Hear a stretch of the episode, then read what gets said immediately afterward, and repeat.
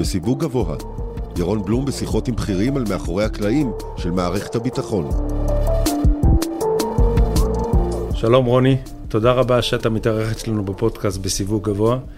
אני חושב שזו תקופה אה, מאוד מאוד חשובה שנאותת להתראיין אה, בבמה שלנו. יש לנו המון המון דברים ל- לשוחח עליהם. אה, רב ניצב דבימוס רוני אלשיך, סגן ראש השב"כ לשעבר ומפכ"ל המשטרה, איש עתיר זכויות, אה, שאנחנו חברים הרבה מאוד שנים ומכירים עוד יותר שנים. יש לי את העונג לשוחח איתך, אני מניח שאנחנו נתמקד בעיקר אה, בנושאים שקשורים למשטרה ועל ההתממשקות עם שב"כ, אבל אנחנו ניכנס לתוך הנושאים האלו בהמשך, ובשלב ראשון אני רוצה מאוד מאוד לשמוע קצת דברים שלא מכירים עליך. תספר על עצמך, אז יש את הסבא צעיר וכדומה, זה על הכיפאק, אבל תספר קצת על עצמך, ומשם אנחנו ניכנס באמת לנושאים הבוערים על סדר היום. כן, אני אנסה לנחש מה אולי פחות מכירים. אה, סך הכל אה, ילדות די שגרתית, נאמר, אה, בבית שחותר ללמידה ולמצוינות, אבל עם משבר בגיל 14, קצת לפני 14. אמא נפטרה. אמא נפטרה. ואז בעצם צריך לקבל החלטה מה עושים. האם יורדים או עולים. מין תחושה כזאת שאתה צריך לנצח את העולם. בחרתי בעצם, בפרספקטיבה, כן, אני לא זוכר תהליך קבלת ההחלטות, אבל ככה, ככה זה נראה לי בפרספקטיבה. בחרתי לעשות איזה טוויסט כזה בעלילה, אה, מההתמקדות אה, בלימודים לבניין האישיות. אה, הלכתי מיד להדרכה, היה לי מאוד מאוד חשוב, הייתי מדריך בני עקיבא. אז הייתם כבר גרתם בקריית ארבע, או? כן, גרנו בקריית ארבע. גם אני יליד ירושלים וגדלתי בירושלים. ההדרכה הייתה בירושלים. אז הייתי בעצם צריך לצעוד בשבת מ... אה, מבית וגן לרמת אשכול, בערך עשרה קילומטר, אה, כדי להדריך, אבל זה היה לי מאוד חשוב לקחת את הדבר הזה על עצמי, ובעצם הרבה שנים הדרכתי, בעצם עד ה... בעצם עד זה שהלכתי ללמוד בישיבה, תכף אספר על זה, אז הדרכתי בבני עקיבא, שם גם מצאתי את זוגתי, ועוד חוויה שהייתה לי מאוד מאוד חשובה, זה היה טיולים, הרבה בדד, בניווטים של עשרות קילומטר לבד, או בזוג, היה לי פרטנר, אבל הרבה פעמים הוא לא יכל להצטרף, אז עשיתי את זה לבד. חוצה מדבר ככה, 40 קילומטר, עם מים, ותמרים, ומפה, ואתה ועצמך. Uh, היום זה נתפס לא אחראי, ואם אחד הילדים שלי היה עושה את זה, לא יודעים מה הייתי עושה לו.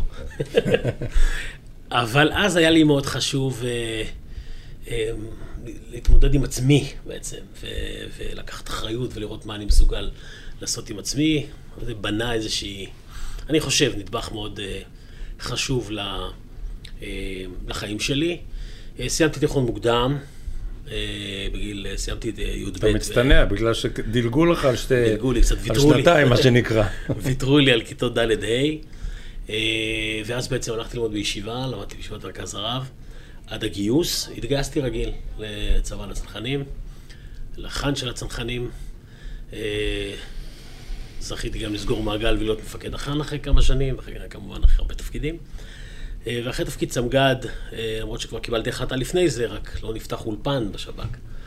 אז אחרי תפקיד סמג"ד, אה, יום למחרת כבר התייצבתי בשירות, והשאר היסטוריה, 27 שנה בשירות, נהניתי עם כל רגע, סיפוק עצום, כל התפקידים היו תובעניים. לא... צריכים לומר, התחלת כחוקר והמשכת אחר כך בדסק, והיית רמ"ח דסק, ואחר כך היית ראש, ראש מחלק, מחלקת רכזים, או ראש חטיבת, אה, ראש החטיבה של השומרון. של השומרון, ואחרי זה היית ראש מרחב ירושלים, ואחרי זה עברת והיית ראש מרחב דרום, שזה מקביל למפקד פיקוד דרום, וכמובן ירושלים זה המרחב הגדול והחשוב אה, בשב"כ. ואחר כך היית ראש אג"ם של השירות, ובניין הכוח, וכמובן סגן ראש שירות. ככה בהצטנות שלך, לא אז אני הייתי צריך להוסיף לא מה שנקרא. לא הייתי מוותר על אף אחד מהתפקידים, אני חושב שכל אחד מהתפקידים האלה למדתי. חייב הרבה לארגון הזה, המאוד מאוד מסודר, אה, ומאוד מאוד מחנך, מלמד, ערכי, ממלכתי. חייב לו הרבה מאוד מהאישיות שלי. וב-2015 פתאום... 2015, טוויסט בעלילה. אחרי חודשים ארוכים של תחנונים מכל מיני בכמה פיקים, לא ברצף. אה, בסופו של דבר הסכמתי, נכנעתי. להיות מפכ"ל המשטרה, שים את. החלום שלי בצד להיות ראש שירות. לא שהוא היה מובטח לי, אבל אה, בוא נאמר ככה, אה, בסוף פוליטיקאים ממנים את מי שהם רוצים. אה, ואף אחד לא יכול להבטיח לך, אבל זה היה, איך אומרים, די ברור שזה המסלול, והחלטתי שנגמר, או בוא נאמר ככה, שמעתי את קולה של אשתי אומרת לי, נגמר לך הקרדיט המוסרי לסרב למשימה הזאת. זהו, ואז אמרתי כן, והשאר שוב היסטוריה. אבל לפני שאנחנו צוללים להיסטוריה הזו של המשטרה, רק תשלים לי ילדים, שבעה ילדים. שבעה ילדים ו-19 נכדים. ועוד היד נטויה. ברוך השם. והיום אתה גר בגבעת שמואל, וגרת לפני זה ב... אה, גרתי אה, השחר. בירושלים, אחרי זה בכוכב השחר 25 שנה. אה, ואני בשנים האחרונות 11 שנה, אני קצת יותר, 11 שנה אני בגבעת שמואל. אני חושב שבטח בטח היום, אחרי האירועים של אתמול ב, בתל אביב, עם, ה, עם האריתראים, עם המתנגדי משטר האריתראי אל מול אה, תומכי המשטר האריתראי, אני חושב שזה בדיוק הזמן ככה לה- להיכנס קצת לתוך המשטרה. מה קורה במשטרה?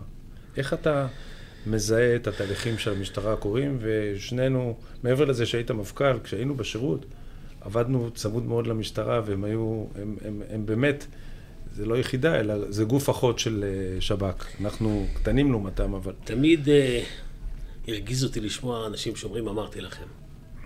אבל כאילו הפעם אין ברירה, כי אחד הדברים שהתרעתי בשער זה שאסור שייווצר מצב שהמשטרה שוב תהיה ממלא מקום. אני מזכיר שאני החלפתי ממלא מקום. שנתיים היה... לא, היה אה, קצת יותר מחצי שנה, בערך חצי שנה, בן הוא היה ממלא מקום. לא, אבל היה לפני זה גם ממלא מקום. אז לפני בן הוא בעצם, היה אה. דנינו היה ממלא מקום, כאילו עשה את הקדנציה שלו, ואז האריכו לו כממלא מקום.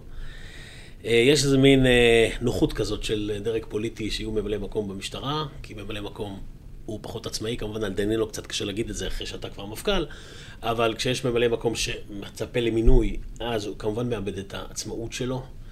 אה, והעצמאות היא סופר סופר חשובה, ואנחנו ללא ספק חווים את זה, את האתגרים של זה.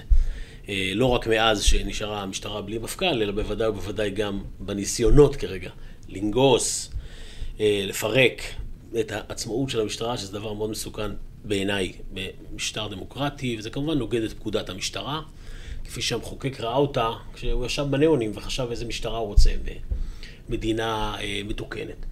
אה, ובשורה התחתונה, אה, שמשאירים ארגון כל כך גדול, גם לא עצמאי, וגם ללא אבא, כי בסופו של דבר צריכים לזכור, זה לא שמישהו מינה ממלא מקום לשנתיים פלוס. לא, זה כל, כל, כל תקופה, מעריכים ומעריכים ומעריכים. הלגיטימציה שלך לעשות מהלכים אסטרטגיים מצטמצמת. הלגיטימציה שהספק רואה אותך כ... כמפכ"ל הסגל לכל דבר ועניין, כן, הסגל פיקוד הכללי הארצי, כן, המטכ"ל של המשטרה. רואה אותך כ... כלגיטימי לעשות עכשיו מהלכים מרחיקי לכת. היכולת שלך לעשות אה, סבבי מינויים מסודרים, מאורגנים, כמו שנהוג במשטרה, שממנים צווים, ואחר כך סבב את הנאצים, ואחרי זה זה נצ"מים, אה, במדרגות כן. יורדות, כמו שכל ארגון מסודר רוצה לעבוד. נשארים המון כיסאות ריקים אה, ב- ביחידות. הרבה אנשים עושים קדנציות ארוכות מדי ונשחקים. משטרה פשוט מתפרק. אני כבר לא מדבר על זה, שקיצוצים איומים ונוראים, אחרי שעזבתי, קוצצה המשטרה במאות מיליונים. אה, ואז יש אה, מדינה בלי תקציב. אה, מי יילחם עכשיו על, אה, על תקציב? לא תקציב שאפשר יהיה לאכול ולתדלק, אלא תקציב שאפשר לפתח איתו ולקדם איתו את המשטרה ולקדם את ההתעצמות שלה, את הטכנולוגיה שלה, את היכולות שלה. אה, סיפור מאוד מאוד בעייתי, ולכן הנזק המצטבר, שלא לומר מה שקורה עכשיו, שיש שר, כן, אבל אתה מדבר על תקופה ככה זה מתחיל. שהתחיל. כל ככה זה. מתחיל. היום אנחנו נמצאים שיש מפכ"ל כבר שיושב שלוש שנים בתפקידו. עכשיו צריך לומר, ונכנס פה ההת- שר. ההתערבות בעבודת המשטרה אה, היא, היא דבר שבסוף מזיז את הקו. אני זוכר את ההתבטאויות של אה, מוטי כהן, אה, שהיה- שהיה- ממלא מקום מפכ"ל שנתיים כמעט. למעלה משנתיים. והוא סיפר על, המעור... על ההתערבות של השר. עכשיו, ברור למה הוא יכול להתערב, כי יש ממלא מקום. כי אף אחד לא יכול לשים חומה ולהגיד, אדוני, זה אתה לא עושה, זה לא חוקי. אה, ואז הקו זז. אוקיי. ובסופו של דבר, כאשר אה, שר מדבר עם אה, מפקד תחנה, זה לא פחות מאשר הרסני. כי בסוף מה שחשוב זה שכל קצין במשטרה ידע שהיכולת שלו להתקדם היא במידה שבה הוא ממלא את ייעוד המשטרה, ולא במידה שהוא מוצא חן בעיני מישהו. וזה סיפור מאוד מאוד חשוב, כי בסוף משטרה בחברה דמוקרטית משרתת את אזרחיה, ולכן אכיפת החוק צריכה להיות ניטרלית מכל השפעה פוליטית. ל... ל... להבדיל ממשטר- ממשטרים דיקטטוריים, שזה מה נכון. ואפילו הייתי אומר להבדיל מצבא, כי בצבא זה לגיטימי שאל מול פני אויב, מי שמקבל את ההחלטות זה הדרג המדיני.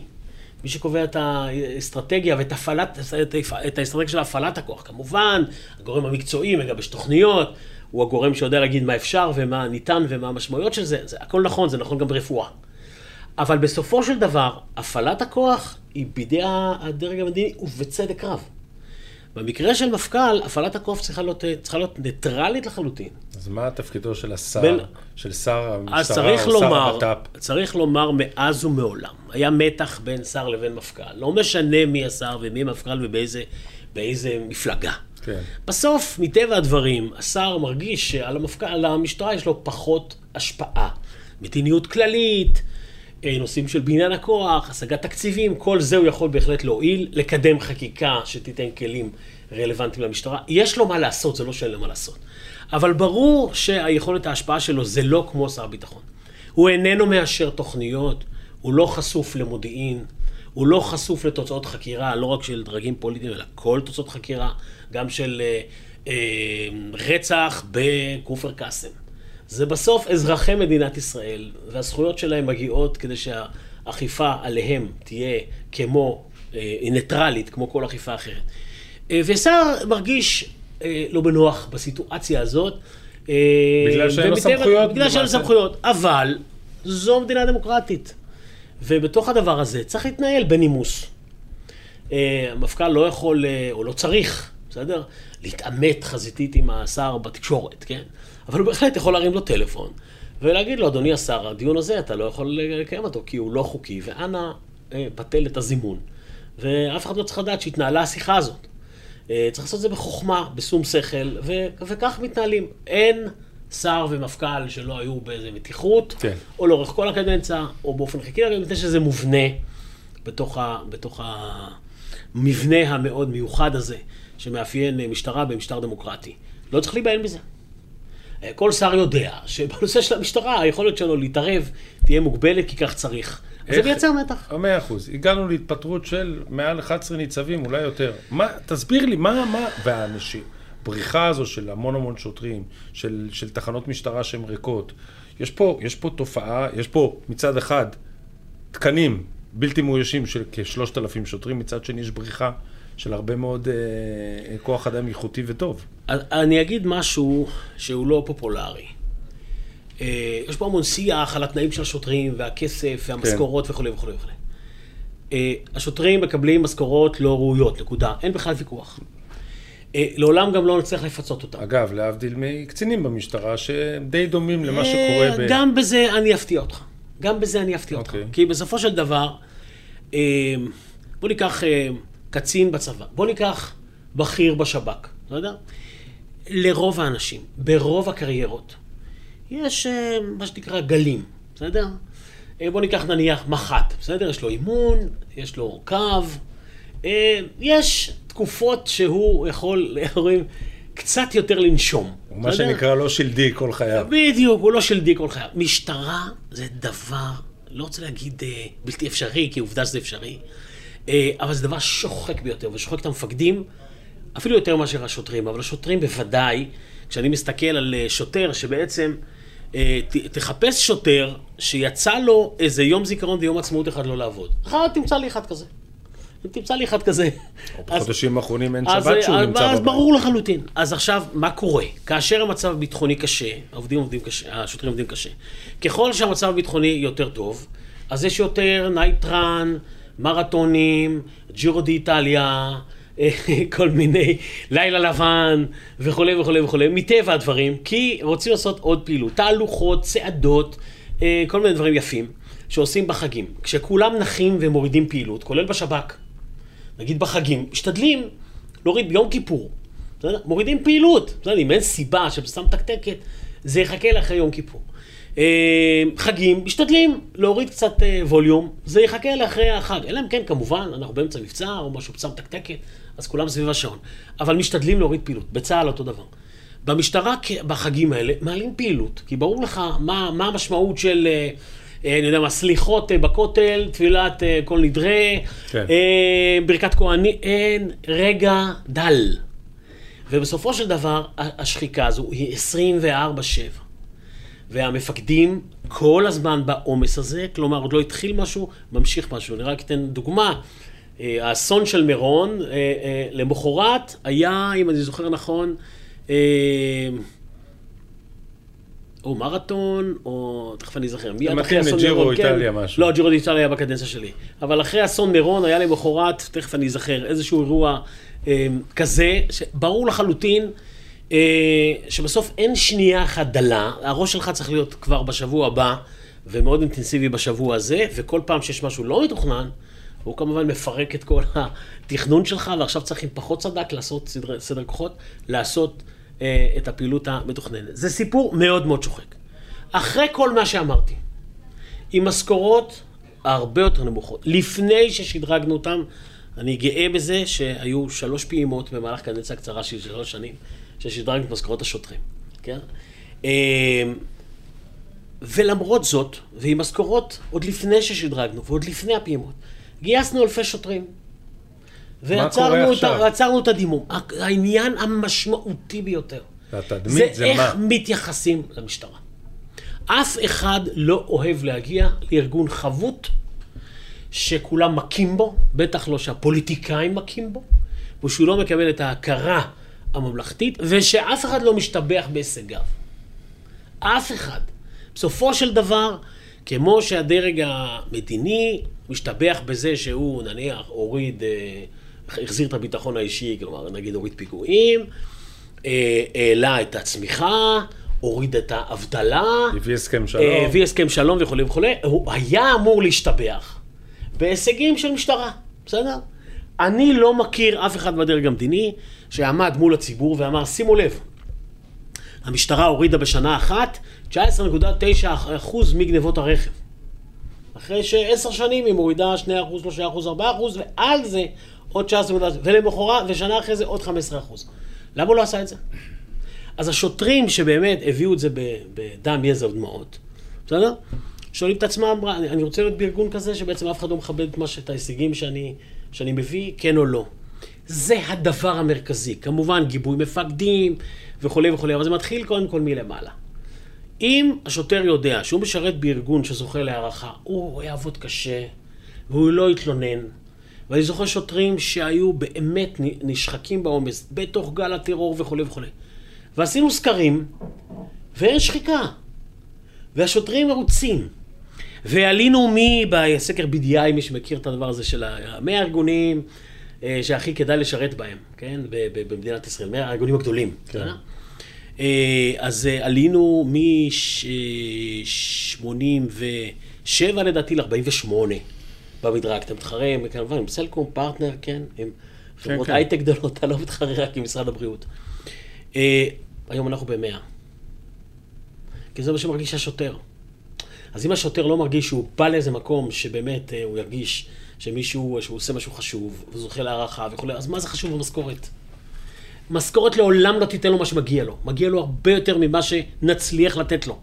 אבל בסוף הוא רוצה לזכות להערכה. אבל אם הוא חבוט כל היום, והוא מחפשים אותו כל היום, ומבזים אותו כל היום, אז איך, זאת התוצאה. איך משקמים, רוני, את המשטרה במצבה הנוכחי? עכשיו, זו שאלה, אתה יודע... המצב, שאלה... המצב הוא באמת קשה. למרות שחלקו מוסתר מהציבור. מפני שהיום... מה זאת אומרת? היום מגייסים שוטרים שלא היינו חולמים בחלומות הכי שחורים שלנו לגייס. מבחינת רמתם. מבחינת רמתם. תחשוב רגע, זה לא משהו שעשית אותו היום ומחר הוא נעלם. זה אומר שמחר זה התמונה שיש לך בחיכוך בין אזרח לבין שוטר. זאת תדמית המשטרה המתפתחת, שזה דבר מאוד קשה לתקן כאשר התדמית נפגעת. והשוטר הזה כנראה הולך לשרת אה, כמה שנים טובות, עד שאו שיקרה איזה משהו חמור והוא יעוף מהמשטרה, או שלא יודע מה יקרה, יהיה שינוי דרמטי ומישהו באופן נועז. למעשה מורידים, בגלל שחסר כל כך הרבה כוח אדם, מורידים את הרמה הבסיסית, תנאי הקבלה יורדים. נכון, אבל בצורה משמעותית. כלומר, אה, אני מסתכל גם על הפרסומים של המשטרה, את הנתונים שהמשטרה מפרסמת, אבל אני גם מכיר מבפנים. וזה כואב מאוד. מפני שכשאנחנו גייסנו אלפי שוטרים, אני גם קיבלתי ארגון שאלפי תקנים לא מאוישים. אה, כאשר אה, השר ארדן ואנוכי נלחמנו על תקנים לשיטור במגזר הערבי, האוצר לא רצה לתת בהתחלה תקנים, כלומר, יש לכם אלפי תקנים שלא גייסתם. ואנחנו אמרנו, אנחנו נגייס אותם ונגייס את האחרים. וקיבלנו אלפי תקנים. וגייסנו את כולם ועצרנו ב-2018 את uh, קצב הגיוס, כי הבנו שזהו, מיצינו בעצם את התקנים. ועל כל כיסא, תחזיק חזק, היו 15 מועמדים. 15 מועמדים, לא בשב"כ, 15 מועמדים במשטרה, בסדר? על כל כיסא, על כל תקן. Uh, כי יכולנו, יכולנו, כי פשוט האנשים רצו לבוא למשטרה. Uh, כשאנשים לא רוצים לבוא למשטרה, אין לך ברירה, אתה מתחיל לרדד ולרדד, המחיר הוא, הוא, הוא קטסטרופלי. ובסוף נשלם אותו הרבה מאוד uh, שנים. אבל אחרי כל מה שאמרתי, רוצים לתקן את המשטרה, זה דבר ראשון, להחזיר לה את עצמאותה. אין סיכוי בעולם שנשפר את מצב המשטרה, אם ימשיך להיות המאבק הזה והשחיקה הזאת בעצמאות המשטרה. בין הדרג המדיני, בין שר הבט"פ בעיקר? ברור. לבין מפני, המפכ"ל. ושלא יהיה ספק במה שאני אומר. שלא יהיה ספק שאדון בן גביר ירים טלפון זה לא משנה מי זה השר לבט"פ. בין אם הוא במפלגת העבודה, מהליכוד, ממרץ, מציונות הדתית, זה בכלל לא משנה. אבל זו פעם ראשונה ברגע... ששר מדבר ככה עם ניצבים נ... וקצינים נכון, היו חריקות, היו לא חשבים חריקות שמיד יושרו פה ושם, בסדר. כן, ברור, אנשים בסדר. גם טועים, אנשים גם עד שהם לומדים את הצורה של ההתנהלות, אבל מה שאני רוצה לומר, מה זה אומר משטרה עצמאית? זה אומר שבעצם כל אזרח, לא משנה מי הוא ומה הוא, רואה במשטרה את המשטרה שלו. ברגע שהמשטרה מתחילה להצבע באיזשהו צבע של מדיניות במרכאות של שר, בעיקר שהיא נוגעת להפעלת הכוח. אם השר יש לו מדיניות לחזק את השיטור הרגלי, זה בסדר, זה ניטרלי לחלוטין. אפרופו לא רואים שום שיטור רגלי. נכון, כי הוא קופל כולו, בסדר? שנעשה המון מאמץ ו... ו... ועם הצלחות יפות מאוד של שיטור רגלי באזורי יוממות, בחופי ים, בכנרת, בחרמון בעונה, מרכזי ערים, במרכזי ערים וכולי וכולי, טיילות, כל הדברים האלה, בסופו של דבר גרפו את השוטרים משם, לצערי, נעשה מאמץ לבנות את זה, כי יש לזה חשיבות רבה מאוד, אבל אם זה יעניין, אני, אני אענה על זה בנפרד. אבל, אבל מה שחשוב זה בסופו של דבר, שמדיניות, כאשר היא ניטרלית, כי מדובר במישהו שנורא מאמין ב, לא יודע מה, חיזוק התנועה, זה בסדר. אבל אם שר מתחיל להעביר מפה לשם, או מתערב מול אוכלוסייה כזו או אוכלוסייה אחרת, או נותן גיבוי כאשר מדובר באוכלוסייה הזו ולא נותן גיבוי כאשר מדובר באוכלוסייה אחרת, מיד הציבור מבין, זה לא המשטרה שלי. אז אם זה לא המשטרה שלי, בהדרגה אנחנו נראה מתנדבים שאומרים, סליחה, אז אם זה לא שלי, למה שאני אתנדב למשטרה הזאת? אה, שוטרים שמרגישים לא בנוח להיות אולי קלגסים של, של גורם אחד, בסדר? של גורם פוליטי, כי הם גם ברחוב מרגישים את זה, מה אומרים עליהם, וכולי וכולי וכולי, וככה מפרקים. משטרה. אי אפשר במשטר דמוקרטי שהשוטרים יהיו כפופים לגורם פוליטי. אפשר, אבל אז המשטרה היא לא משטרה לגיטימית, היא נתפסת כמו איזה כוחות אה, אה, פוליטיים, וזה איום ונורא. איך אנחנו נראים לעומת משטרות אחרות במערב? קודם כל, במערב יש כל מיני מודלים של משטרות. רוב המשטרות במערב אינן לאומיות. עם משטרות מקומיות כאלה, אחרות וכולי וכולי, לפעמים בתוך פדרציות, אז יש למדינות השונות משטרות, ויש רק משטרות מעליהם, והן לא כפות אחת לשנייה, יש המון מודלים של משטרה. בדרך כלל כשאני מסתכל, שוב, אני לא חקרתי את הנושא הזה, מה שנקרא, בעיניים, אה, כן, של באמת אה, מחקר איכותי אקדמי. אבל אני מתרשם שכל אה, מדינה בעצם והשריטות שלה, מה היא חוותה לצורך העניין. כשאני מסתכל על ה-checks and balances, כן, שיש בגרמניה, של אה, משטרות, אה, והפרדה שם בין משטרה אגמית למשטרה מודיעינית. ובכל אחת מהפדרציות והן לא כפות אחת לשנייה, ויש למעלה את ה-BKA ויש את הבונדס פוליצה, שהן גם כן נפרדות וכל אחד מדווח. כי מפחדים ממשטרה. כי, כי המשטרה שם עשתה דברים איומים ונוראים. בסדר? אגב, כי הוא הוכפפה לתוך אה, אה, מפלגה, למערכת האבטחה של אחת ה... של המפלגה הנאצית וכולי וכולי. אז, אני, אז אתה מבין למה בגרמניה כולם יושבים מכווצים, איזה כלים הם נותנים למשטרה, כן או לא. כל משטרה, בהולנד אתה רואה מהלך כאילו הפוך. אז, אז לכן, אה, יש משטרות שהן יותר דומות למשטרת ישראל, יש משטרות שפחות דומות למשטרת ישראל. אה, יש משטרות שהן יותר קהילתיות, ויש משטרות שהן פחות מניעתיות, אלא יותר עוסקות באכיפה או פוקוס של אכיפה. אה, יש כל מיני משטרות, וזה מרתק לראות, שוב, לא חקרתי זה, אבל זה תמיד, כשאני מנסה להסתכל אחורה, זה קשור לתרבות של המדינה ומה היא חוותה מאז הקמתה ואיזה שינויים היא עשתה במשטרה. יש כן נטייה של חלק מהשטרות להתחיל לרכז את זה, כי בסוף בעולם שטוח, אם אין לך משטרה לאומית שרואה את כל התמונה, ובישראל המפכ"ל בעצם פוקד על כל השוטרים בכל שרשרת הפיקוד, כולל המשטרה החמושה, המכונה אצלנו מג"ב, אה, ואני חושב שזה טוב. אה, אחרי הכל, אני חושב שאנחנו כרגע נמצאים באיזה טלטלה, שאולי משטרות אחרות חוות... אה, תוך כמה זמן להערכתך, בהנחה ש... שהדרג הפוליטי מתיישר פה בעניין הזה ומבין את המשמעות של משטרה חלשה, כי המשטרה לא הייתה אף פעם חלשה, וזה לא בגלל קובי, וזה לא בגלל צמרת הפיקוד, וזה בעיקר בגלל ההתערבות, כמו שאמרת, של, הדר... של הדרג הפוליטי. תוך כמה זמן להערכתך ניתן לשקם את המשטרה, שהיא תרים את הראש מעל המים? ועזוב, אני לא מדבר על המחאה, ועל זה שהשמיכה צרה, ועל זה שהם עובדים שלדי, ועל זה שאין להם שבתות. אני מאוד מאמין במפקדים. ברגע שניטרלנו את כל ה... הלחץ החיצוני הזה שהוא הרסני, אני מאוד מאמין במפקדים, ואם יש מפקד כריזמטי, ראוי, אה, שבעיקר אה, גם יגביל את עצמו אה, עם ערכים, והציבור יראה שאכן זה קורה, אני חושב שאפשר בכמה שנים, ארבע, חמש שנים, לשנות את הפנים. אולי לא לפתור את כל הבעיות, אבל לשנות את הפנים. ממש ממש ממש להביא את המשטרה לשיא מחודש, אני חושב שייקח, לצערי, יותר שנים. כי זה דורש גם... אה, תחלופה של אה, כוח אדם, זה דורש אמון של, אה, של הציבור ושל אנשים שרוצים, הדברים האלה לא קורים מיד. זה שמישהו בא ואומר, מחר אני הולך למשטרה, הוא צריך להיות אידיאליסט אמיתי. וזה לא קורה מיד. כדי שבאמת יהיה מישהו איכותי, ברמה גבוהה, שהוא בא ואומר, אני עכשיו הולך לתרום, אה, כן, לחברה. בסדר? לי חשוב שכשייכנס אה, שוטר, אה, לבית עם אלימות במשפחה, אז יש שם מישהו ערכי, עם עמוד שדרה וכולי וכולי. אני לא שומע את זה כל כך, היום. אה, יותר אתה שומע אנשים שמוכנים ללכת לימ"מ, אנשים שמוכנים... שם הדברים נורא ברורים. בסדר? להילחם בטרור, והרבה יותר קל, אה, ושם הפערים יהיו... להזדהות, כן. כן. אה, החוכמה היא שאנשים יגידו, וואלה, אני רוצה חברה יותר מתוקנת, ואני מוכן בשביל זה לעבוד בביבים של החברה הישראלית ולנקות שם כדי שהחברה שלנו תהיה מתוקנת. לצמצם את השוליים של, ה, של החברה, אה, לטפל נכון בנוער בסיכון, על מנת לצמצם את השוליים של הפשיעה. אה, אלה משימות, בסוף באמת, שוטר שתופס את עצמו, אה, מבין כמה חשוב להתחיל את השיטור בגן הילדים, וכקצין מדינה בבית ספר, וכולי וכולי, מתחיל להבין מה זה משטרה. אנחנו נדבר על, ה, על, ה, על האירוע שהיה אתמול עם האריתריאים, אנחנו נדבר על הפשיעה במגזר הערבי בהמשך, שווה להקשיב לנו עד הסוף, אבל אני חייב להבין את, ה, את, ה, את היחס של המשטרה לאזרח, והפוך, יחס האזרחים למשטרה. אני חושב שאני לא נתקלתי במצב הזה כמו שהוא נמצא היום. אתה לא רואה גם שוטרים ברחוב. אתה רואה את השוטרים, חלק, חלקם מפעילים אלימות כי אין להם ברירה באירועי המחאה. זה לא משנה, כולם חושבים שהם נגד המחאה וזה ממש לא נכון.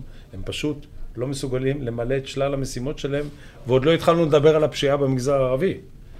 וההצלחה הגדולה מאוד עוד בתקופתך של, של פיצוח פרשי 512 והפרשיות של משפחות הפשע ב... זה התחיל לא לפניי. התחיל לפניך, אבל זה, זה, זה המשיך אצלך. וגם היום יש הצלחות, אבל, אבל זה נבלע עם כל מה שקורה עם המשטרה, וזה מטריד אותי כאזרח. עכשיו, אנחנו מכירים את המשטרה, עוד לפני שאתה בכלל נכנסת למשטרה, הכרנו כל השנים משטרה אחרת לגמרי. עזוב את הימ"מ, כמו שאמרת, וכדומה. אני אגיד כך, ואני חושב שזה אחד הדברים הבאמת באמת כואבים. שאני, אני אמרתי מה, הרבה פעמים מעל הרבה במות, שהאחרון שהבין מה זה משטרה מהמנהיגים שלנו זה בן גוריון, לצערי. אה, באמת להבין, זה לא לדקלם, זה להבין מה זה משטרה.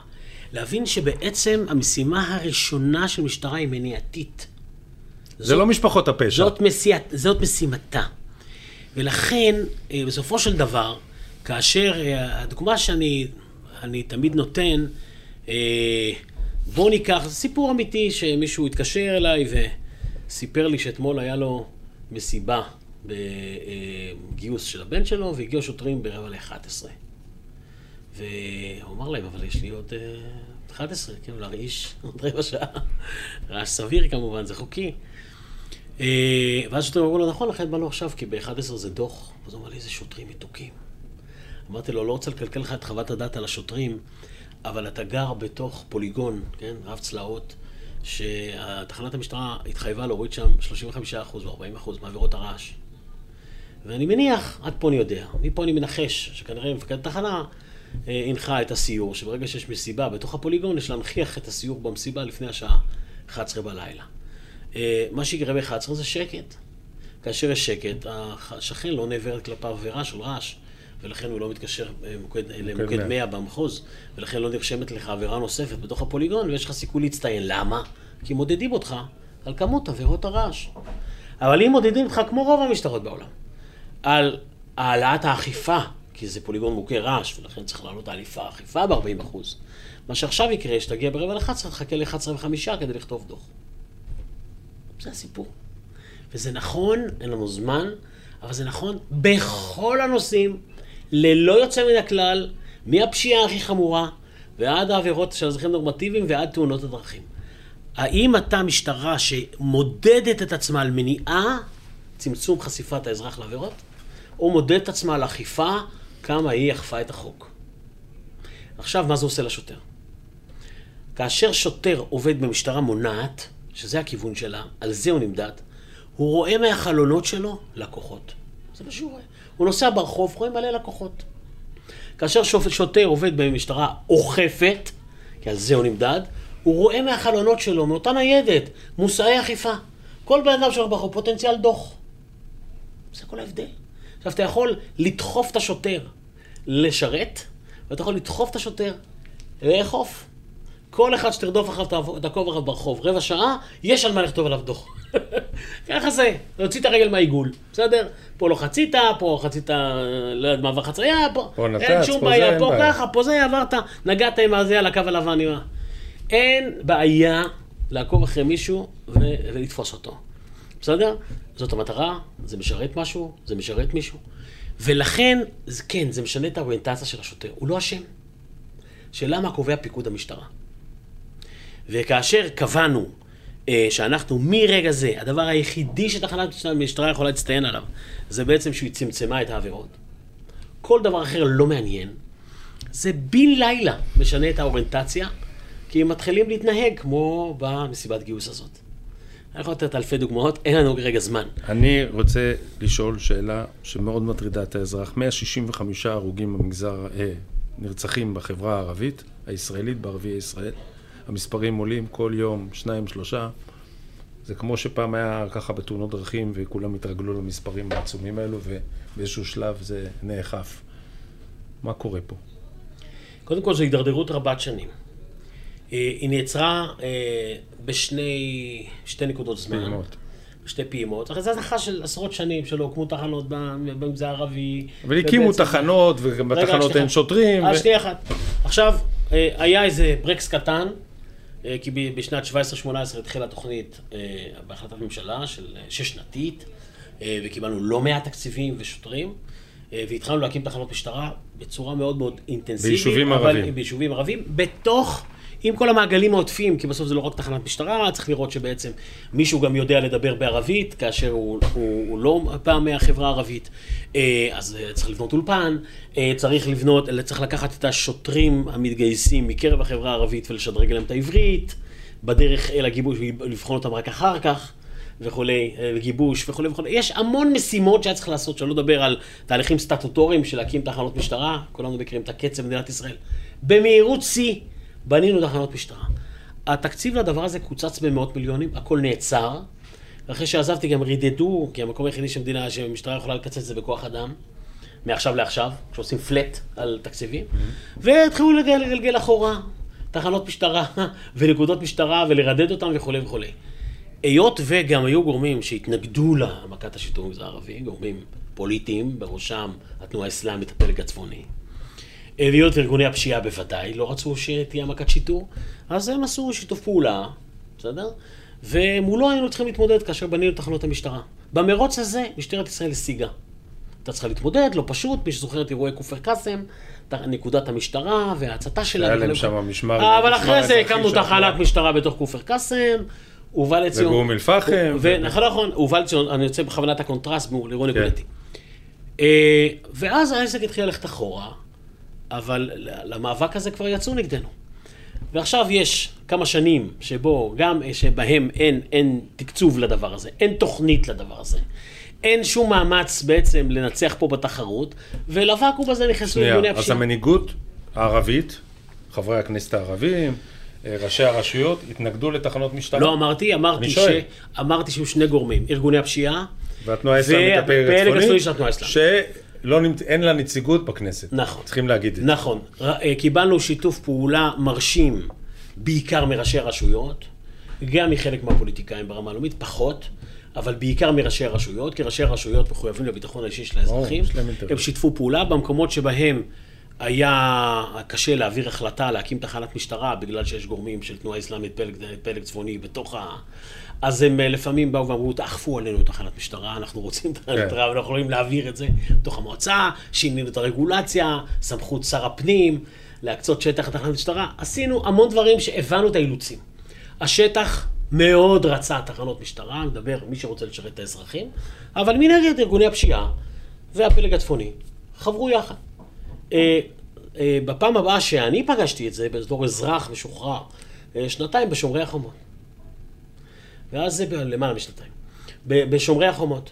ושם, אני ראיתי מול העיניים, כן, את החיבור הזה, עוד פעם, בין תנועה אסלאמית לארגוני הפשיעה, שפשוט הוא נפל בין הכיסאות כאשר לא היה מפכ"ל. לדעתי גם השב"כ קצת הוריד את הרגל מהגז בטיפול בתנועה האסלאמית. ובשורה התחתונה קיבלנו שטח יותר בוער. עכשיו, להחזיר את השד לבקבוק, יש פה שתי משימות. אחת, זה כמובן, במרוץ הזה, להיות הרבה יותר מהירים, ולצערי, זה לא נעשה. אבל יותר חמור, אני חושב, ופה יש לי מחלוקת עם המפכ"ל גם, האוריינטציה שהמשטרה לקחה, היא אוריינטציה מאוד מאוד מיליטריסטית. מה זאת היא אומרת? הזניחה את השיטור הקהילתי, גרפה את השוטרים הקהילתיים. מבחינתי, כשמקימים תחנת משטרה במגזר הערבי, הדבר הראשון שצריך לא, לראות בעיניים זה שוטר קהילתי. מדוע? זה שכדי לבנות את הלגיטימציה להילחם בארגון הפשיעה, הנוער, הילדים, צריכים לראות שהמשטרה באה לשרת אותם. זה חייב להיות מ-day one, זה לא קודם כל לטפל בפושעים, זה במקביל. ולכן צריך להילחם בפושעים ולשרת את האזרחים ובהדרגה לקבל אה, לגיטימציה ולקבל שיתוף פעולה. ושכשאין לך שיתוף פעולה, אין ראיות. ואתה צריך שיתוף פעולה עקיף, חלקי, הכל בסדר, זה נכון בכל מקום. לא צריך להיבהל מזה שזה הדרגתי. אבל בסוף אי אפשר לבוא רק ב...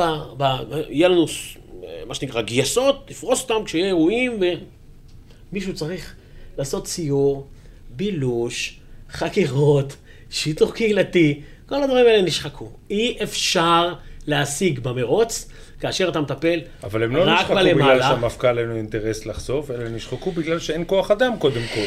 כאשר אין כוח אדם, לקחי שומר החומות, כן, מה שכאילו, אה, זה היה כאילו המסקנה של המשטרה, ככה אני קורא מה- מה- מהמהלכים שבעצם, קבלת החלטות של המשטרה. וה, ה- ו, והממשלה הקודמת אה, תגברה את המשטרה, אה, אם אני לא טועה, באיזה 1,300 תקנים, משהו כזה, זה לא מעט. כן. אה, וכולם הלכו למג"ב, אז אתה מבין שבסופו של דבר אין תחנות. היום יש תחנות שאני זוכר קו אדום שלהם. אין שוטרים בלילה, אין שוטרים, אין ניידות בלילה. אני לא רוצה לנקוב פה כדי לא לעזור לעבריינים. אני זוכר תחנות אה, שהקו האדום שלהם הוא שבע ניידות. כשאני אומר לך קו אדום זה אומר אם אתמול היה לילה לבן וכל השוטרים שחוקים, אז למחרת יהיה שבע ניידות. בסדר? במצב נורמלי יהיה יותר. שזה קו הקו אדום. האדום. זה הקו האדום, שבע ניידות, שהיום יש ניידת אחת. אז איזה שירות אתה יכול לתת? איזה שירות אתה יכול לתת? אני בהפגנה של אה, אה, יוצאי אתיופיה, לפני אה, שבועיים, משהו כזה. אה, בסך הכל חסמו כביש אחד, לא כזה נורא. אני נתקעתי שלוש שעות לשלושה קילומטר, זה בסדר. שלוש שעות וחמישים דקות. הנה, בבקשה, לא תיאמנו. אני לא התקשרתי למשטרה. לא התקשרתי לא. למשטרה. כי אמרתי לעצמי, בכל התחנה האומללה הזאת, כמה שוטרים יש? עכשיו הם צריכים לבוא, בסוף זה, זה אופנוע אחד, שמגיע לצומת הרלוונטית ומשחרר אותה, כי זה פשוט צומת מורכבת, שברגע שיש טיפה עומס היא נסתמת. זה כל הסיפור. שלוש שעות חמישים דקות, רק לחצות את, ה, את הקילומטר מאה, בסדר? לקח לי שלוש וחצי שעות, אחרי זה עשרים דקות להגיע הביתה, כי הכבישים פתוחים. הנה, שלוש שעות, אנחנו... אז אני לא, אני לא התקשרתי למשטרה, כי אמרתי לעצמי, אני פשוט מרחם. זה, זה שוטר אחד פותר את כל הבעיה, אחד, אבל מאיפה הוא? מאיפה הוא יבוא? מאיפה יבוא השוטר הזה על האופנוע? מאיפה הוא יבוא? מה צריך לעשות כדי קצת לעצור, לבלום את, ה, את הטירוף הזה שקורה במגזר הערבי? אני חושב שצריך, הם התרגלו, סליחה, עוד, עוד, עוד משפט. משפחות הפשע רואות, משטרה חלשה רואות שלא תופסים אותם, רואות שאין שיתוף פעולה. כמו בכל דבר, האזרח. כאשר הביטחון האישי מתערער, כולם יוצאים מאחוריהם, וכולם מקבלים ביטחון עצמי, וכולם מרשים לעצמם יותר. זה לא משנה איזה חברה. זה לא משנה אם אתה מדבר כרגע על האריתראים, או אתה מדבר כרגע על ה... לא יודע מה, הפלג הירושלמי ושל החרדים, או אתה מדבר... כל אחד שבסוף מרגיש שכרגע... שמזהה שמשטרה ש- חלשה. שהמשטרה חלשה, ושהמשטרה כרגע נראית לו חבוטה, והוא מרשה לעצמו כדי להשיג את ההישגים שלו. זה דבר מאוד מאוד טבעי ועצוב, כן? אז לכן הכל משפיע על הכל. אה, אתה שואל אותי אל מול, הח... מול החברה הערבית, מהר לשנות כיוון. כשאני אומר לשנות כיוון, אני קודם קצת קטעת אותי עם השאלה, אז לא דיברתי על הפיק השני שהיה חיובי, אה, שזה, שזה הטיפול בין משרדי הממשלה, שסגלוביץ' הוביל, שלדעתי, שלצערי אני לא זכיתי לפרטנר כזה. אה, אבל, אבל זה בהחלט גם, הגם, עם כל הקשיים של המשטרה, כאשר משרדי הממשלה משתפים פעולה, אז זה מביא תוצאה, והוכיחו שאפשר להביא תוצאה. רשויות המס. וזה עוד הוכחה לזה ששיטור לא יכול להיות רק גייסות של משטרה. שיטור צריך להיות חכם על כל הספקטרום, עם מה שנקרא בשפה המקצועית שיטור צד ג', שזה בעצם כל השותפים שלך, שיכולים לעזור לך לחזק את נורמת הציות לחוק ולהקשות על העבריינים ולצמצם את ההזדמנויות לפשיעה וכולי וכולי. מה שנעשה יפה מאוד אה, דרך משרדי הממשלה. כאשר כל המערכת הזאת תעבוד ביחד, ההישגים יותר מהירים, אמון הציבור עולה, שיתוף הפעולה עולה וכולי וכולי. אבל אבוי לנו אם לא נחזור לראשית הצירים ונבין שאי אפשר לבוא רק מלמעלה, צריך להתחיל שיטור במקביל. טור, מקוף. בכל מקום צריכים לראות שוטר, השוטר הטוב שנותן לך שירות. אה, כבר אמרתי בכמה, בכמה במות, אה, כש- כשהיינו ילדים, אז הייתה חידה כזאת. תוך כמה זמן אפשר לקחת את העם הסיני ולהעביר אותו דרך שער הניצחון. לסדר אותם בטורים צפופים ויאללה קדימה בצעידה. תוך כמה זמן עובר כל העם הסיני את שער הניצחון לצד השני. יותר מהר? מהישראלים, מה שנקרא. כן. אה, התשובה המתבקשת, אז כשהיינו ילדים, היום צריך לשאול את זה על ההודים, התשובה המתבקשת הייתה, זה שזה לעולם לא ייגמר, כי בכל רגע נתון נולדים יותר מאשר מצליחים לעבור. עכשיו, אם אנחנו נטפל רק בפשיעה למעלה, אנחנו נביא הישגים ונעשה כותרות והכל בסדר, ונתפוס עבריינים, אבל בכל רגע נתון נוצרים יותר עבריינים מאשר אלה שאנחנו מצליחים לסכל, ולעולם זה לא ייגמר. וזה לא יכול להיות ככה, כי אם הגיבור של העיירה, עיר, כפר, זה זה שיורה, זה זה שאוכל בלי לשלם, זה שמתלבש בלי לשלם, זה שנוסע במכונית מפוארת, והנה הוא הגיע להישגים יותר מאשר המסכן הזה שלמד תואר שני באוניברסיטה ואין לו עבודה. אז uh, לעולם זה יהיה, הגיבור, ויותר אנשים יזלגו אל, ה, אל הפשיעה. ואם אין לו עבודה, והוא רוצה להתפרנס, ובטח אם הוא רוצה לעשות את זה מהר, ולעשות מכה כמו החבר שלו, אז הנה, דרדרנו אותו לפשיעה. וזה כל כך פשוט, וכל כך ברור, ו, וחקור, בסדר? אז הנושא, אחד הנושאים הכי נחקרים במדעי החברה, שפשוט אה, עצוב, שאנחנו לא מסתכלים על זה. וכשאנחנו חושב מקצצים ללימודי עברית בחברה הערבית, כאילו, זה, זה, זה פשוט תסכול. איך, איך יכול להיות שזה הדיון שאנחנו מנהלים? אני חייב לשאול אותך שאלה. טכנולוגיה.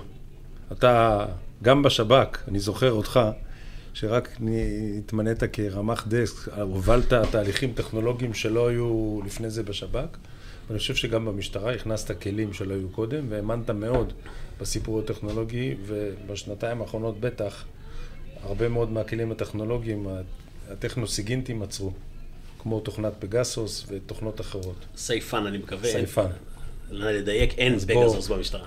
סייפן, שזה כן. אותו דבר. לא, לא, לא, לא, לא, לא. כמו להגיד אה, פיאט 127 ליד אה, פורש. אז כן, מה, זה- אז מה עדיף? אז סייפן יותר טוב מהפגסוס? לא, הפגסוס כמובן עדיף, אבל הפגסוס הוא לא, לא חוקי, המשטרה אסור לה להשתמש ביכולות בוא- שלו, בוא ולכן תעשיר אותנו, כי אנחנו לא מכירים את ה... מאוד, פש, מאוד פשוט. אה, למשטרה מותר לעשות האזנת סתר, אמנם לא כמו לארגון ביון, היא צריכה ללכת לשופט, להוציא צו שופט וכו'. שופט. מחוזי, נכון? אה, כן. וכאשר הייתה נדידה של אה, יכולת של voice, כן, גם ל-over IP, כלומר, אה, מהסקייפ שהיינו עם המחשב ה-PC בבית, נעלים שיחה overseas, וכמובן מרגע שבפלאפון שלנו יש את כל היכולות של אה, over IP, אז כמובן היה צריך לתת לדבר הזה מענה. אה, ולכן הייתה הסדרה איך בעצם עושים האזנת סתר באמצעות over IP, כאשר אה, כמובן המשמעות היא להתקין תוכנה מרחוק על, אה, על אה, טלפון אה, נייד. אה, זה לא היה בתקופתי, זה היה עוד בתקופ- בתקופתו של אה, דנינו, אבל זה היה המשך של הסדרות שהיו על over IP מ-PC. אה, והמשטרה חייבת את הכלי הזה, כי אחרת המשמעות היא שהיא לא יודעת לעשות האזנת סתר. מה מותר למשטרה? מותר למשטרה מרגע שהוטל הצו, ובכפוף לתאריכים שיש בצו, ולצי"ח שמאושר בצו, כלומר, התכנים או הנושאים שמותר לפקח עליהם. אה, ומכאן ואילך... על מה ביקשת אישור האזנת- מראש? בדיוק. על מה ביקשת אישור מראש, על מה אישר השופט בצו ולכמה זמן. את זה מותר להאזין קדימה, בסדר? אסור ללכת אחורה ולהביא נניח את כל הוואטסאפים, שזה גם האזנת סתר, כן? כי טקסט זה גם האזנת סתר. את כל הוואטסאפים שהיו לך בתוך... אסור לך. האם אה, לא צריך להתיר למשטרה להביא וואטסאפים וזה? אז יש כבר חוק שמתגלגל על אה, חיפוש מרחוק במחשב, ש, שאף אף אחד לא רצה לקדם אותו. המשטרה ניסתה לקדם אותו הרבה מאוד שנים, עם האיזונים הנדרשים, אני לא חושב שמותר למשטרה לעשות משהו שהוא לא בצו שופט. אבל לצורך העניין, היות וזה לא מוסדר, או החוק לא מתיר למשטרה לעשות משהו שהוא איננו, או האזנת סתר, או כאשר היא מחזיקה בנייד בצו שופט, שלום, לקבל את תכולתו, מחזיקה בנייד, כן? לקבל את תכולתו, שזה גם אפשרות, אבל מרחוק היא לא יכולה לעשות את זה. ולכן אה, פותח עבור המשטרה סייפן, שמה שהוא יודע לעשות זה מה שמשטרה מותר לה לעשות, בסדר? ככל שאין לה את זה, זה, זה גובל בשערורייה. זאת אומרת, עצרו את המשמעות היא- השימוש, זה לא שאין לה, היה לה, ועצרו. היה לה. אפשר לעצור את השימוש בגלל שמישהו החליט לספר סיפורים בכלכליסט, ולא שילם על זה את המחיר, הוא לא נתן על זה את הדין, על ההשחרה שהוא עשה על המשטרה, על הטענות שפיקחו ללא צו, על זה ש... ומסתבר שלא עשו שום דבר זדוני במשטרה, גם אם היו תקלות, תקלות יש בכל ארגון. אה, בטח בהיקפים שיש במשטרה. ובטח בהיקפים שיש במשטרה, אבל לא מצאו, למיטב ידיעתי, ולו פעם אחת שפיקחו ללא צו, ולא מצאו שנעשה שימוש זדוני בדבר הזה, ולא מצאו שנעשה שימוש בצי"ח שאיננו מאושר, כלומר בניגוד לצו שעבר אל החוקרים, גם כאשר הטכנולוגיה הביאה משהו שלא נדרש ממנה וכולי וכולי וכולי, שזה היה צריך להיות תעודת כבוד למשטרה, לא שאין בעיות. מצאו כן בעיה בהסדרה המשפטית, בסדר, צריך לסדר אותה. צריך לסדר אותה. בסדר? כי את ההסדרה המשפטית עושה הייעוץ המשפטי, כולל של הייעוץ המשפטי לממשלה, כן? ה- מה שנקרא, החלק של הייעוץ אצל הייעוץ המשפטי לממשלה והייעוץ של המשטרה, ומצד שני יש גם פרקליטות. תעודות חיסיון וכולי וכולי. לא רוצה להיכנס לרזולוציות האלה, למרות שאני בקיא איפה הפערים. אה, בסדר, בסדר, בדקו משהו והכל בסדר. האם זו הייתה הצדקה לפרסום האיום ונורא של כלכליסט ועל ההתעקשות שלהם? אה, אני אשמח מי מאוד... הגורמים שעמדו מאחורי הפרסום הזה? אני יודע מי הם. אה, ואני אשמח לשתף את הוועדה במידע שיש לי על הדבר הזה. הגיע הזמן שהציבור גם אבל גם אה, בזה הייתה כבר ועדה. הייתה ועדה שבדקה אה, את הטענות של כלכליסט, והפריחה אות- הפריחה אותם אז אחת למה לאחת. עכשיו צריך רגע, פעם ועדה? שנייה, מצאה אה, פערים בהסדרה, בסדר? הכל בסדר. אני לא מכיר אגב שום ועדה שלא מוצאת כלום. בסדר? מצאה פערים בהסדרה. למה צריך עוד ועדה? לא יודע, תשאל את הפוליטיקאים, לא צריך... למה, למה- למה בפרסום בכלכליסט, בפרסום הראשון, שדיבר על פיקוח על הדגלים השחורים, ולמה התמונה של רוני אלשיך צריכה הייתה להופיע שם? הרי הדגלים השחורים רק יוסדו, לא יודע מה, לפחות שנתיים אחרי שעזב את המשטרה. זה, מישהו היה לא חשוב, בסדר? אה, להכפיש את מי שהוא רוצה להכפיש.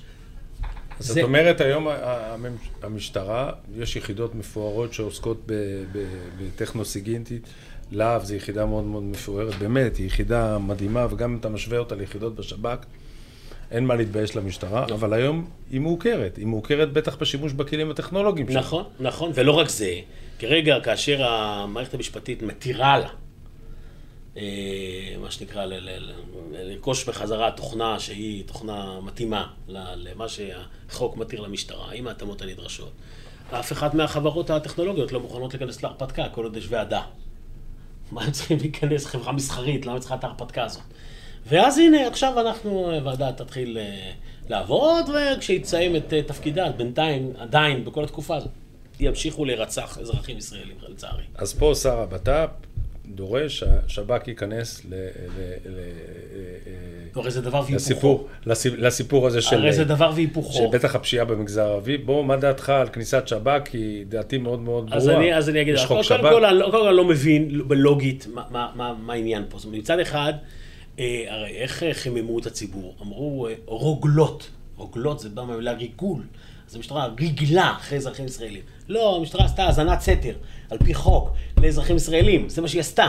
בסדר? והיא, אה, והיא צריכה להמשיך לעשות האזנת סתר. אני לא מכיר משטרה שלא עושה האזנת סתר. היא כמובן יכולה לעשות את זה רק על פשע, והמחוקק קובע מה זה פשע ומה זה לא. זה המחוקק קובע, זה לא המשטרה לפשע. קובע. בסדר, ברור חשד. אבל עבירה מסוג פשע. כן. ומי שקובע מה זה עבירה מסוג פשע זה המחוקק, זה לא המשטרה. המשטרה, המחוקק קובע שזה מעל שלוש שנות מאסר ואין לך פשע. ולכן, אה, עכשיו להגיד, לא, אז עכשיו השב"כ יבוא לעזור. השב"כ, עם איזה כלים? עם כלים שלא עוברים צו שופט? עם איזה כלים? אה, הוא כן מותר לו לרגל אחרי אזרחים ישראלים, אז קודם כל, לוגית אני לא מבין את. הטענה. אז קודם כל לא מבין, לא את הטענה. דבר השני, צריך לומר דבר מאוד פשוט. השב"כ, יש לו עוצמות ויש לו חולשות. החולשה של שב"כ זה ראיות בבית משפט. אה, ובעצם המשטרה, אין לה בעיה, אין לה הוא לא יכול לחשוף, הוא לא יכול לחשוף את הכלים שלו בבית ברור, הוא לא ישים משפט. את הכלים של בית משפט, ובכל פעם שהוא רוצה אה, את הדברים הרגישים האלה להפוך לראיות, הוא בדרך כלל מסתייע במשטרה להפוך את זה לראיות, בסדר? אחרת הוא שוחק את הכלים שלו. אה, אז מה עכשיו יקרה, בסדר? אז עכשיו אנחנו נבוא לחברה הערבית. מודיעין, לא נעים להגיד, כולם יודעים מי הרוצחים בדרך כלל. הפער המודיעיני הוא לא גדול. בחברה היהודית... הפער זה ראיות, זה להביא ראיות. בחברה היהודית יותר קל להביא ראיות ויותר קשה להביא את המודיעין, ובחברה הערבית יותר קל להביא את המודיעין ויותר קשה להביא את הראיות. תסביר למה. נורא פשוט, מפני ש... אה, שיתוף הפעולה, שיתוף. הפעולה, זה לא סתם, אני לא אומר את זה כביקורת לציבור. ככל שהעבריינים יותר חזקים, מהלכים אימים יותר מהלכים על האזרחים. אימים, אז יותר קשה שאזרח ישתף פעולה ויסכן את החיים שלו בשביל להביא ראיות. אני אומר את זה על השולחן. זה כמו שאישה מוכה, בסדר? האם היא מתקשרת למשטרה כן או לא? היא עושה חשבון, כדאי לי או לא כדאי לי. אם היא חושבת שהיא תקבל יותר מכות, היא לא תתקשר למשטרה. בסוף את החשבון הזה, בן אדם שחושב על החיים שלו, עושה. הגיוני לגמרי. אז אם המשטרה לא נתפסת, או בכלל כל מערכת אכיפת החוק, אפקטיבית, אז למה להיכנס, אה, להכניס את הראש למיטה חולה? שתי חמולות רבות, אז אני, ה-DVR שלי עכשיו יסבך אותי מול החמולות אז האלה. הם מוחקים את המצלמות, הם שוטפים את הראיות. ולכן הרבה יותר קשה להביא ראיות בחברה הערבית, וכדי שהחברה הערבית תשתף פעולה, כמו שמשתפים פעולה בהרצליה, אז יש דרך ארוכה, והרבה בניין, בניית אמון שנפרם ושנשחק. נכון, ויש הרבה מה לעשות. אבל האם יודעים מי הרוצחים? כל הציבור יודע מי הרוצחים בדרך כלל. ובסוף, בוודאי ובוודאי כאשר הרציחות הן רציחות הדדיות, אז כל אחד יודע מי הרוצחים. החוכמה זה להביא את הראיות. אז עכשיו יבוא שב"כ ויגיד למשטרה, אלה הרוצחים. טוב, המשטרה יודעת מי הרוצחים. אתה לא תיתן לי את הכלי לחשוף אותו בבית משפט. ברור, אז עכשיו מה עשינו? אז גם לוגית אני לא כך מכיר את הטיעון הזה. ואתה מסיט את שב"כ מהמשימה המרכזית שלו, שזה סיכון. ואתה שוחק את הכלים, טרור. ואתה שוחק את הכלים שלו, גם עם השימוש יהיה מודיעיני, אתה שוחק את הכלים שלו. האם שב"כ צריך להיות באזורי התפר? התשובה בין הפשיעה? כן. והתשובה היא כן. אני חושב גם, ובעניין הזה, אני מאוד מפרגן לראש השב"כ הנוכחי שהוא עושה את זה. הוא לא עושה את זה כי מישהו לחץ עליו, לא, לא, הוא עושה את זה לפני. אגב, הוא עושה את זה אני לפני. יודע. הוא עושה את זה כי הוא הבין את זה. אה, הוא עושה את זה כי הוא ניתח את אה, שומר חומות ואמר מה אני יכול לעשות יותר טוב כדי שלא נגיע לסיטואציה הזאת. ואני חושב שהוא עושה את זה בסדר באזורים שבהם שב"כ זה היתרון היחסי שלו, בסדר? אה, והוא צריך להמשיך לעשות את זה, ובצורה, ודדיקטד, כי בסוף זה המשימה של שב"כ. אה, כל יתר הדברים גם לא נכונים לוגית וגם מעשית לא יביאו תוצאה, ולכן הם לא נכונים. צריך לחזק את המשטרה, זה מה שצריך לעשות, ולא יכול להיות שבמדינה דמוקרטית משטרה לא יכולה להביא תועלת אל מול אה, פשיעה. אז כמו שהיה לה אתגר גדול מאוד בפשיעה בחברה היהודית, ויש חשיפות מדהימות ויש בשנים חשיפות האחרונות. אה, מדהימות, ואגב, גם כשהתחלנו שיטור בחברה הערבית, אני מזכיר לך שעורדה קוטייר הזה, שעשה עכשיו בלאגן בית הכלא, בסדר? זה עוד, עוד היה לי את הזכות לטפל בו כשאני הייתי אה. מפכ"ל, כן? אה, היה שם אה, גויס עד מדינה מהחברה הערבית. ואם הדינמיקה הזאת הייתה נשמרת, שזה היה כמובן פצצת אטום, כמו ש-512 בסוף טופל כעד מדינה, זה לא פשוט רק כן בארגון פשיעה שנזהר לא להשאיר טביעות אצבע, או הראשים שלו, נזהרים לא להשאיר טביעות אצבע. צריך בסוף את עדי המדינה שנמצאים בצנטרום של הפיילה. ובסופו של דבר, כן, גויס שם עד מדינה.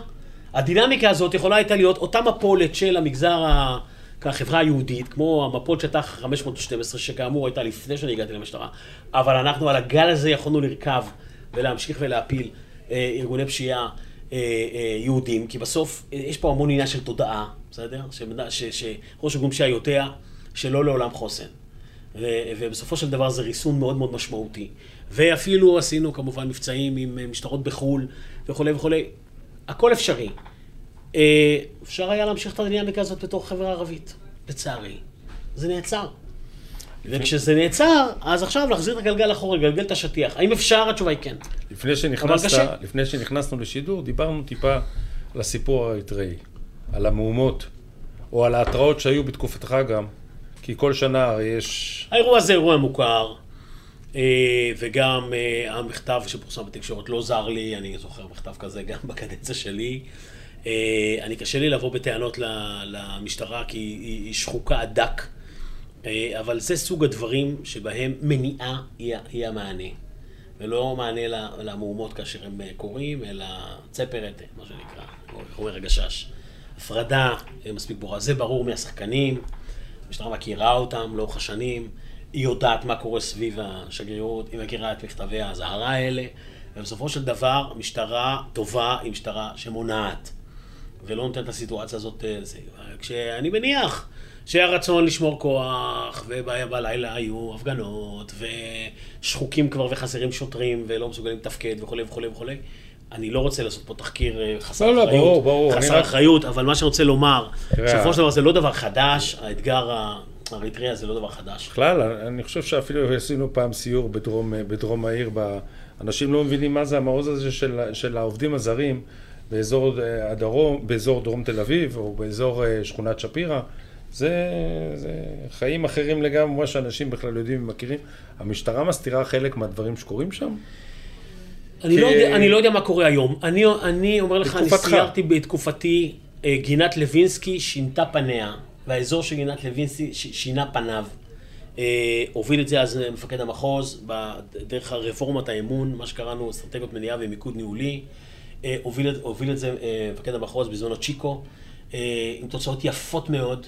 עם החזרת הרחוב לאזרחים, עם פירוק כל המצלמות של תחנות הסמים, עם אינט- אינטגרציה עם הרווחה והנרקומנים. יש שם עבודה שהיא לא רק קדימה הסתער, יש המון שכל בדבר הזה. ש, שבסוף מייצר מניעה. נכון, לא מוחקים בעיות, מצמצמים אותן בצורה משמעותית, לפעמים חוזרים חזרה חלק, ועוד פעם אתה מטפל, אלה החיים, כן? זה, זה, זה כמו רפואה, זה כמו כל דבר. אנחנו לא מדברים על משהו, זה זבנג וגמרנו ולא תהיה פשיעה. תהיה פשיעה ויהיו שוליים. אבל בשורה התחתונה זה אפשרי, והתוצאות שם היו מרשימות אל מול ה- אה, האזור הזה. והיום כשאני מסתכל איך זה נראה, זה נראה, זה נראה אזור שהוא אה, רע מאוד. אז זה נכון, היו שם הרבה חוויות, הסיפור של מתקן חולות, לא נאריך פה. אה, אבל בשורה התחתונה, משטרה שמשתמשת בצורה אפקטיבית בשיטור צד ג' ורותמת את כל השחקנים על מנת לייצר מניעה, היא משטרה אפקטיבית. כן. היא משטרה שבסוף נשאר לה לאכוף על, על, על היקפים הרבה יותר מצומצמים ולהביא תוצאה חיובית לאזרחים. אם אתה אה, מרגיש, אה, מה שנקרא, שמשים עליך פלישתון, כן, כביטוי עממי, אז, אז ברור לחלוטין שאתה לא מצליח להשתלט וההיקפים הם כאלה שאתה לא יכול לטפל בהם בצורה אפקטיבית. הנשק הלא חוקי במגזר הערבי, אני חוזר צעד אחד אחורה, כי אי אפשר בלי זה.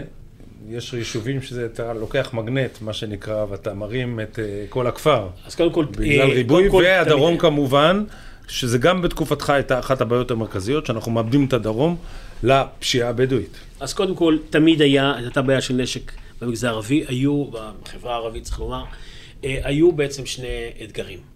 אה, אתגר אחד, שאני חושב שהיו בו הישגים יפים מאוד, שכל הנשק המאולתר, שמיוצר ב, בתוך יהודה ושומרון, בשטחי הרשות הפלסטינית. יחד עם הצבא עשינו מבצעים שיטתיים. של פשיטה על מחרטות. של כל הזמן, ו... מחרטות וכולי וכולי, והורדנו בצורה משמעותית. והדבר השני, זה הנשק התקני, בגדול, זה הנשק של נגדם מצה"ל. והברחות מירדן. לא, לא, לא, זה רק אחר כך. היו מעט מאוד הברחות אז מירדן. אבל היום זה מה שקורה. היום זה מה שקורה. הנשק נגדם מצה"ל זה היה המסה הקריטית. אה, ומול הדבר הזה גם כן עשינו ממש אה, מאמץ מניעתי, כולל הקמת יחידה משולבת. התוצאות שם היו פחות טובות. אה, הבסיסים לא תמיד שמורים, הם גדולים, הם עצומים, האמל"ח מפוזר בהרבה מאוד נשקיות, לא תמיד בצורה מוצדקת. אנחנו לא, הסורים לא על הגדרות פה, שאנחנו צריכים לרוץ עם הרמפות ב-20 שניות. ונעשה המון, המון המון המון מאמץ אה, על מנת שמניעתי מול הצבא כדי לצמצם את זה, ולצערי עם הצלחות מוגבלות. הגבול ירדן, הדבר שהתחיל להיפרץ, אנחנו נאלצנו אז בזמנו אה, לעשות עבודה, אני לא רוצה לפרט, אבל לעשות שם עבודה אה, עם הצבא, בנפרד, משטרה עם הצבא. אני שמח שהיום השב"כ בתוך האירוע, כי אני חושב שהוא היה צריך להוביל את זה כבר אז. אבל גם פורסם שהקימו יחידה, יחידות של המשטרה. שעושה... אבל לצורך העניין זה היה נושא שעם הזמן הלך והחמיר בשנים האחרונות. אה, אני הכרתי רק את תחילתו, ובתחילתו נתנו לזה מענה סביר. אה, למרות שאני חושב שגם אז, כבר, כבר אז השב"כ היה צריך לקחת פיקוד על הדבר הזה, אבל כשראינו שלא מטופל, אז המשטרה טיפלה וטיפלה יפה.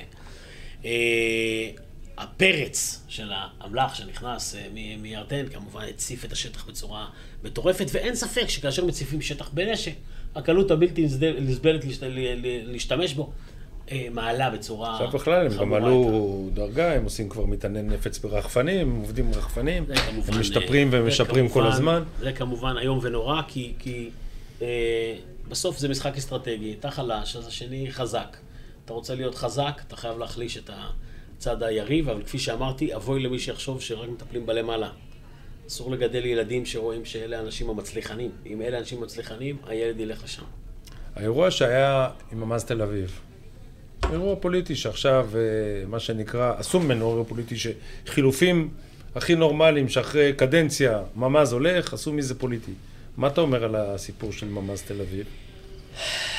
תראה, האירוע, כמו שהוא תפס את הכותרות בפעם הראשונה, אי אפשר שלא היה לפרש אותו פוליטי, ולכן זה היה עצוב מאוד, ואסור שזה יקרה.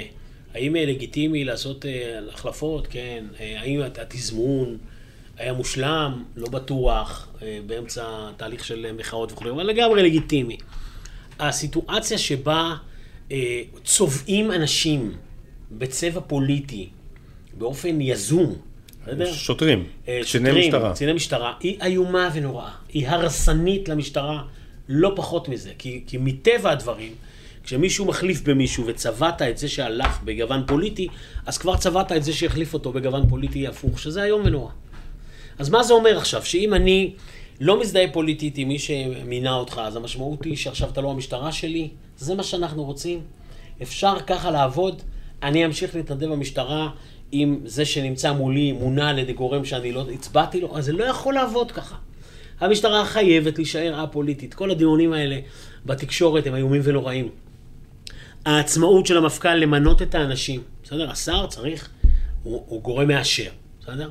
אבל לא יכול להיות שהשר הוא גורם שגם ממיין. לא הייתה לך בעיה להעביר כמעט כל מינוי נכון, היו, היו ויכוחים לפעמים עם, ה, עם השר, אבל אני הצבתי לפני השר מטריצה. זה הולך לפה, זה הולך לפה, זה הולך לפה, והתעקשתי עליה. אני אמרתי לשר, אם יש מישהו שהוא מינוי לא ראוי לטעמך, תנמק בכתב מדוע הוא מינוי לא ראוי, ואני אחזור לספק, סגל הפיקוד הכללי הארצי, ספק הארצי, המטכ"ל לצורך העניין, אני אחזור לשם, נעשה דיון מחדש ונביא מועמד אחר. זה הנוהג. לא יכול להיות אחרת, מפני שאסור לצבוע אף אחד מהקצינים בצבע פוליטי. זה הרסני לא פחות מזה. שלוש שאלות אישיות. לסיום, מה שנקרא. בדיעבד, אתה מצטער שלא נשארת בקונפורט זון שלך, היית בטוח, כמו שאני מכיר אותך, והרבה מאוד שנים, היית הולך להיות ראש שירות, כמעט בכל קונסטלציה. אתה לא מצטער? שלא הלכת, נשארת בשירות, ארגון קטן, מקצועי, מקצוען, ונכנסת לבור הזה, שאני חושב שגם אתה לא חשבת אפילו לאן אתה הולך. קודם כל לא חשבתי, אבל אני לא מצטער. אולי אני אפתיע אותך, ממש לא מצטער. לא, אתה לא מפתיע. אני, אני חושב ש... קודם כל, מי שראה אותי במהלך הקדנציה, בוודאי בתוך המשטרה, אני מבודד רגע את הרעשים בחוץ, בוודאי בתוך המשטרה, ראה שאני נהנה מכל רגע. המשטרה חיבקה אותי בצורה מדהימה, אה, חשבה איתי, קידמה איתי, קיבלה את הרעיונות שלי וכולי וכולי וכולי. וזה היה פשוט תענוג להוביל את, ה, את, את המשטרה. זה נכון, קיבלתי משטרה חבוטה אחרי משבר הניצבים, אז כאילו היה לי יחסית קל, היו רעבים כבר למנהיגות שתיקח אותה למקום חדש, אבל נהניתי מכל רגע מהרפורמות במשטרה, מההישגים. זו תקופה שגם אה, את גל הטרור, אה, של, אם אני מזכיר גל הסכינים, גל הטרור של 2015, קיבינו אותו. וקודם כל, ההישג הראשון היה של משטרה להוציא את הירושלמים מהמשחק. אני מזכיר שבהתחלה זה הכל היה ירושלמים. את המזרח ירושלמים. המזרח ירושלמים. ואחר כך התחילו להיכנס כל מיני גדמאים, ו- וכמובן המשטרה הייתה חלק מהסיכול, אבל המודיעין כבר מתחיל להיות מודיעין שבאחריות צה"ל. אבל לצורך העניין, הראשונים שהוצאנו מהמשחק, והוצאנו את הר הבית מהמשחק, mm-hmm. זה אה, בגל הטרור. אז זה הישג מספר אחד. הורדנו את הפשיעה בצורה דרמטית, פשיעת הרכוש בצורה דרמטית. אם בשנה אחת מורידים 20% בפריצות לבתים, זה הישג פנומנלי. אם מורידים בשנה אחת 19.9% מגנבות הרכב, שנה אחרי זה עוד 15% מגנבות הרכב, זה הישגים פנומנליים. הגענו למשל למסקנה, אה, לא למסקנה, למצב שחברות הביטוח סירבו יותר להשתתף במימון של המלחמה בגנבות הרכב, כי זה כבר לא כלכלי להם. בדיעבד זה נכון למנות מפכ"ל מבחוץ? באופן כללי לא. מפכ"ל זה מקצוע, משטרה זה מקצוע, וככל שהמשטרה, המשטרה בריאה, ואני ראיתי לנכון לעשות כל המאמץ שהמפכ"ל שיבוא אחריי יבוא מפנים המשטרה, אה, צריך להיות, אה, צריך להיות, צריכה להיות סיבה משמעותית מדוע מביאים מישהו מבחוץ. האם אחרי משבר הניצבים אה, אה, הייתה הצדקה? כנראה שציבורית כן. עדיין, אה, להביא מפכ"ל מבחוץ, צריך לראות שאתה מביא מישהו שמביא את רוב הרגליים איתו, כי בסוף אתה מפקד את הניסיון, את ההיכרות. אז נכון, אז אני בסוף אה, בכל זאת הבאתי אה, יומית, סיגינט, אה, סייבר, אה, במקרה למדתי קרימינולוגיה, אז גם הבנתי יותר מרבים מהקצינים בקרימינולוגיה. אה, אז הבנתי בשיטור, עוד תנועה לא כל כך הבנתי, אז הייתי צריך ללמוד את הנושא הזה, פיקוד ושליטה. בסוף הבאתי ירושלים, הר הבית. כלומר... שהכרת מהשב"כ. שהכרתי, זאת אומרת, הדברים, הרבה מאוד רגליים שהבאתי שלא היו זרים לי, לא, לא באתי כמו איזה עפיפון. אה, ככל שאתה מגיע מאזור יותר רחוק, נגיד סתם מביאים עכשיו איזה קצין מהצבא, בסדר? שמעולם לא עסק במודיעין אה, וטרור וסיכול, במובן הזה של, של, של התהליך, בסדר? לא ב, בלסגור את הבית, בסדר? או לעשות מבצע כן. אה, אגמי, אלא במובן הזה של התהליך, אה, להבין בפורנזיקה, חקירות, בסדר? בסוף זה, זה, זה הרבה עולמות מקצועיים. אז, אז יצא ככה שהבאתי די הרבה מהעולמות האלה, ויכולתי יחסית להיכנס מהר. לתוך ה... לתוך ה... אנשים לא זוכרים, אבל אני זוכר שהיית ראש אה, מרח... שלושה מרחבים, שלושה אגפים או ארבעה. שלושה אגפים וסגן. שלושה אגפים אה, וסגן ראש שירות. שלושה אגפים, זה שלושה תפקידים של אלוף, ולכן לא, זה לא היה זר לך, זה... מה החוויה הכי משמעותית שלך מתקופת המשטר? וואה, שאלה קשה. היו לי הרבה חוויות טובות. אני, אני אספר משהו איזוטרי. אה, את שבת האור הכרתי המון שנים, בתור שב"כ. אתה חי בירושלים, מכיר את האתגר הזה, הוא נראה לך אתגר כזה ביטחוני, חיכוכי וכו'. שזה מה? שבת האור זה בעצם שבת, אה, כן, שסוגרת פחות או יותר בדרך כלל את, אה, את פסח, שבה אה, אה, נכנסים משהו כמו 7,000 או 9,000 אה, מאמינים לתוך כנסיית הקבר עם אה, נרות של 33 פתילות. אה, מקבלים את האור בתוך, ה... מתוך האדיקולה, מ... אה, נוצרים. מי שנכנס, נוצרים כמובן, אה, ומעבירים את זה. אז תחשוב רגע שיש לך אלפי אנשים עם נרות שמעבירים מאחד לשני, מדליקים מאחד לשני, 33 נרות, בתוך מקום סגור, שעוד צובעים על הפתח כאלה שרוצים להיכנס במחסניות הבאות, ואתה צריך לנהל את האירוע הזה. אז אוקיי, אז אחר כך, דבר ראשון, אתה מתרשם מהאירוע הבטיחותי. פתאום אתה מבין שהתפקיד של המשטרה זה להיות הריבון שממש את הפרוטוקול בין העדות השונות הנוצריות. למי מגיע, שני אנשים, שלושה אנשים, מי נכנס, או. מי שני, מי שם נכנס פנימה, מי מאוד יוצא, מי עושה כמה סיבובים, מי... הקדוש, כן. סיבו, סיפור, אה, סולם של מי. ובסוף הריבון אה, עומד על המרפסת ואמור לפקח שהכל הולך לפי הפרוטוקול שנכתב נדמה לי ב-29.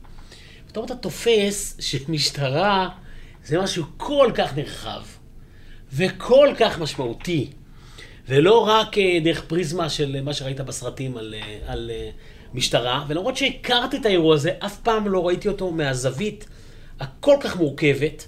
ואני אתן רק דוגמה, כן, באחד האירועים, אני לא אפרט יותר מזה, אבל ניסה אחד מאלה שנכנסים בתוך האדיקולה לצאת בלי האש, בגלל המאבק שלו עם רעהו שנכנס בפנים. וקציני המשטרה מנעו את התקלה הזאת של אה, לצאת ולהגיד, המשטרה לא נתנה לי להדליק את האש הקדושה וכולי וכולי. מה יכול להיות תקרית בינלאומית על, על אירוע שפשוט אם לא הבנת אותו, אתה, אתה גורם למהומה בכל העולם הנוצרי. אז פתאום אתה תופס מה המיקום של משטרה, מה האחריות שלה, המורכבות שהיא צריכה להיכנס בכל נושא ונושא. אז אה, זה רק איזה מין פנס קטן על איזשהו אירוע שבהתחלה נתפס לך כ... הוא נתפס כאיזה... אה, איך בפסח מפרידים בין היהודים, לנוצרים, למוסלמים, לזה, אירוע יוצא ברמדאן לפעמים, סיפורים, אחר כך אתה מבין בטיחות, לא, לא, זה הרבה יותר מזה. ו, ובעצם תקלה יכולה לגרום לתקלה בינלאומית, דיפלומטית, לא תיארתי לעצמי ונוראה. שזה יהיה האירוע שאתה תספר לי אז עליו. אני בכוונה מספר עליו, כי יש דברים שכולם מבינים שלעשות ג'ירו די-איטליה זה חתיכת אירוע, וגם לקבל עליו מחיאות כפיים ולהגיד שזה היה יותר איכותי מאשר הפתיח שעושים ב- ב- ב- באירופה כל שנה. אוקיי, קיבלנו מחיאות כפיים, יפה מאוד, יודעים לתכנן. אתה שואל מה זה משטרה? זה משטרה. וזה סופר סופר מורכב, ופוקח לך את העיניים.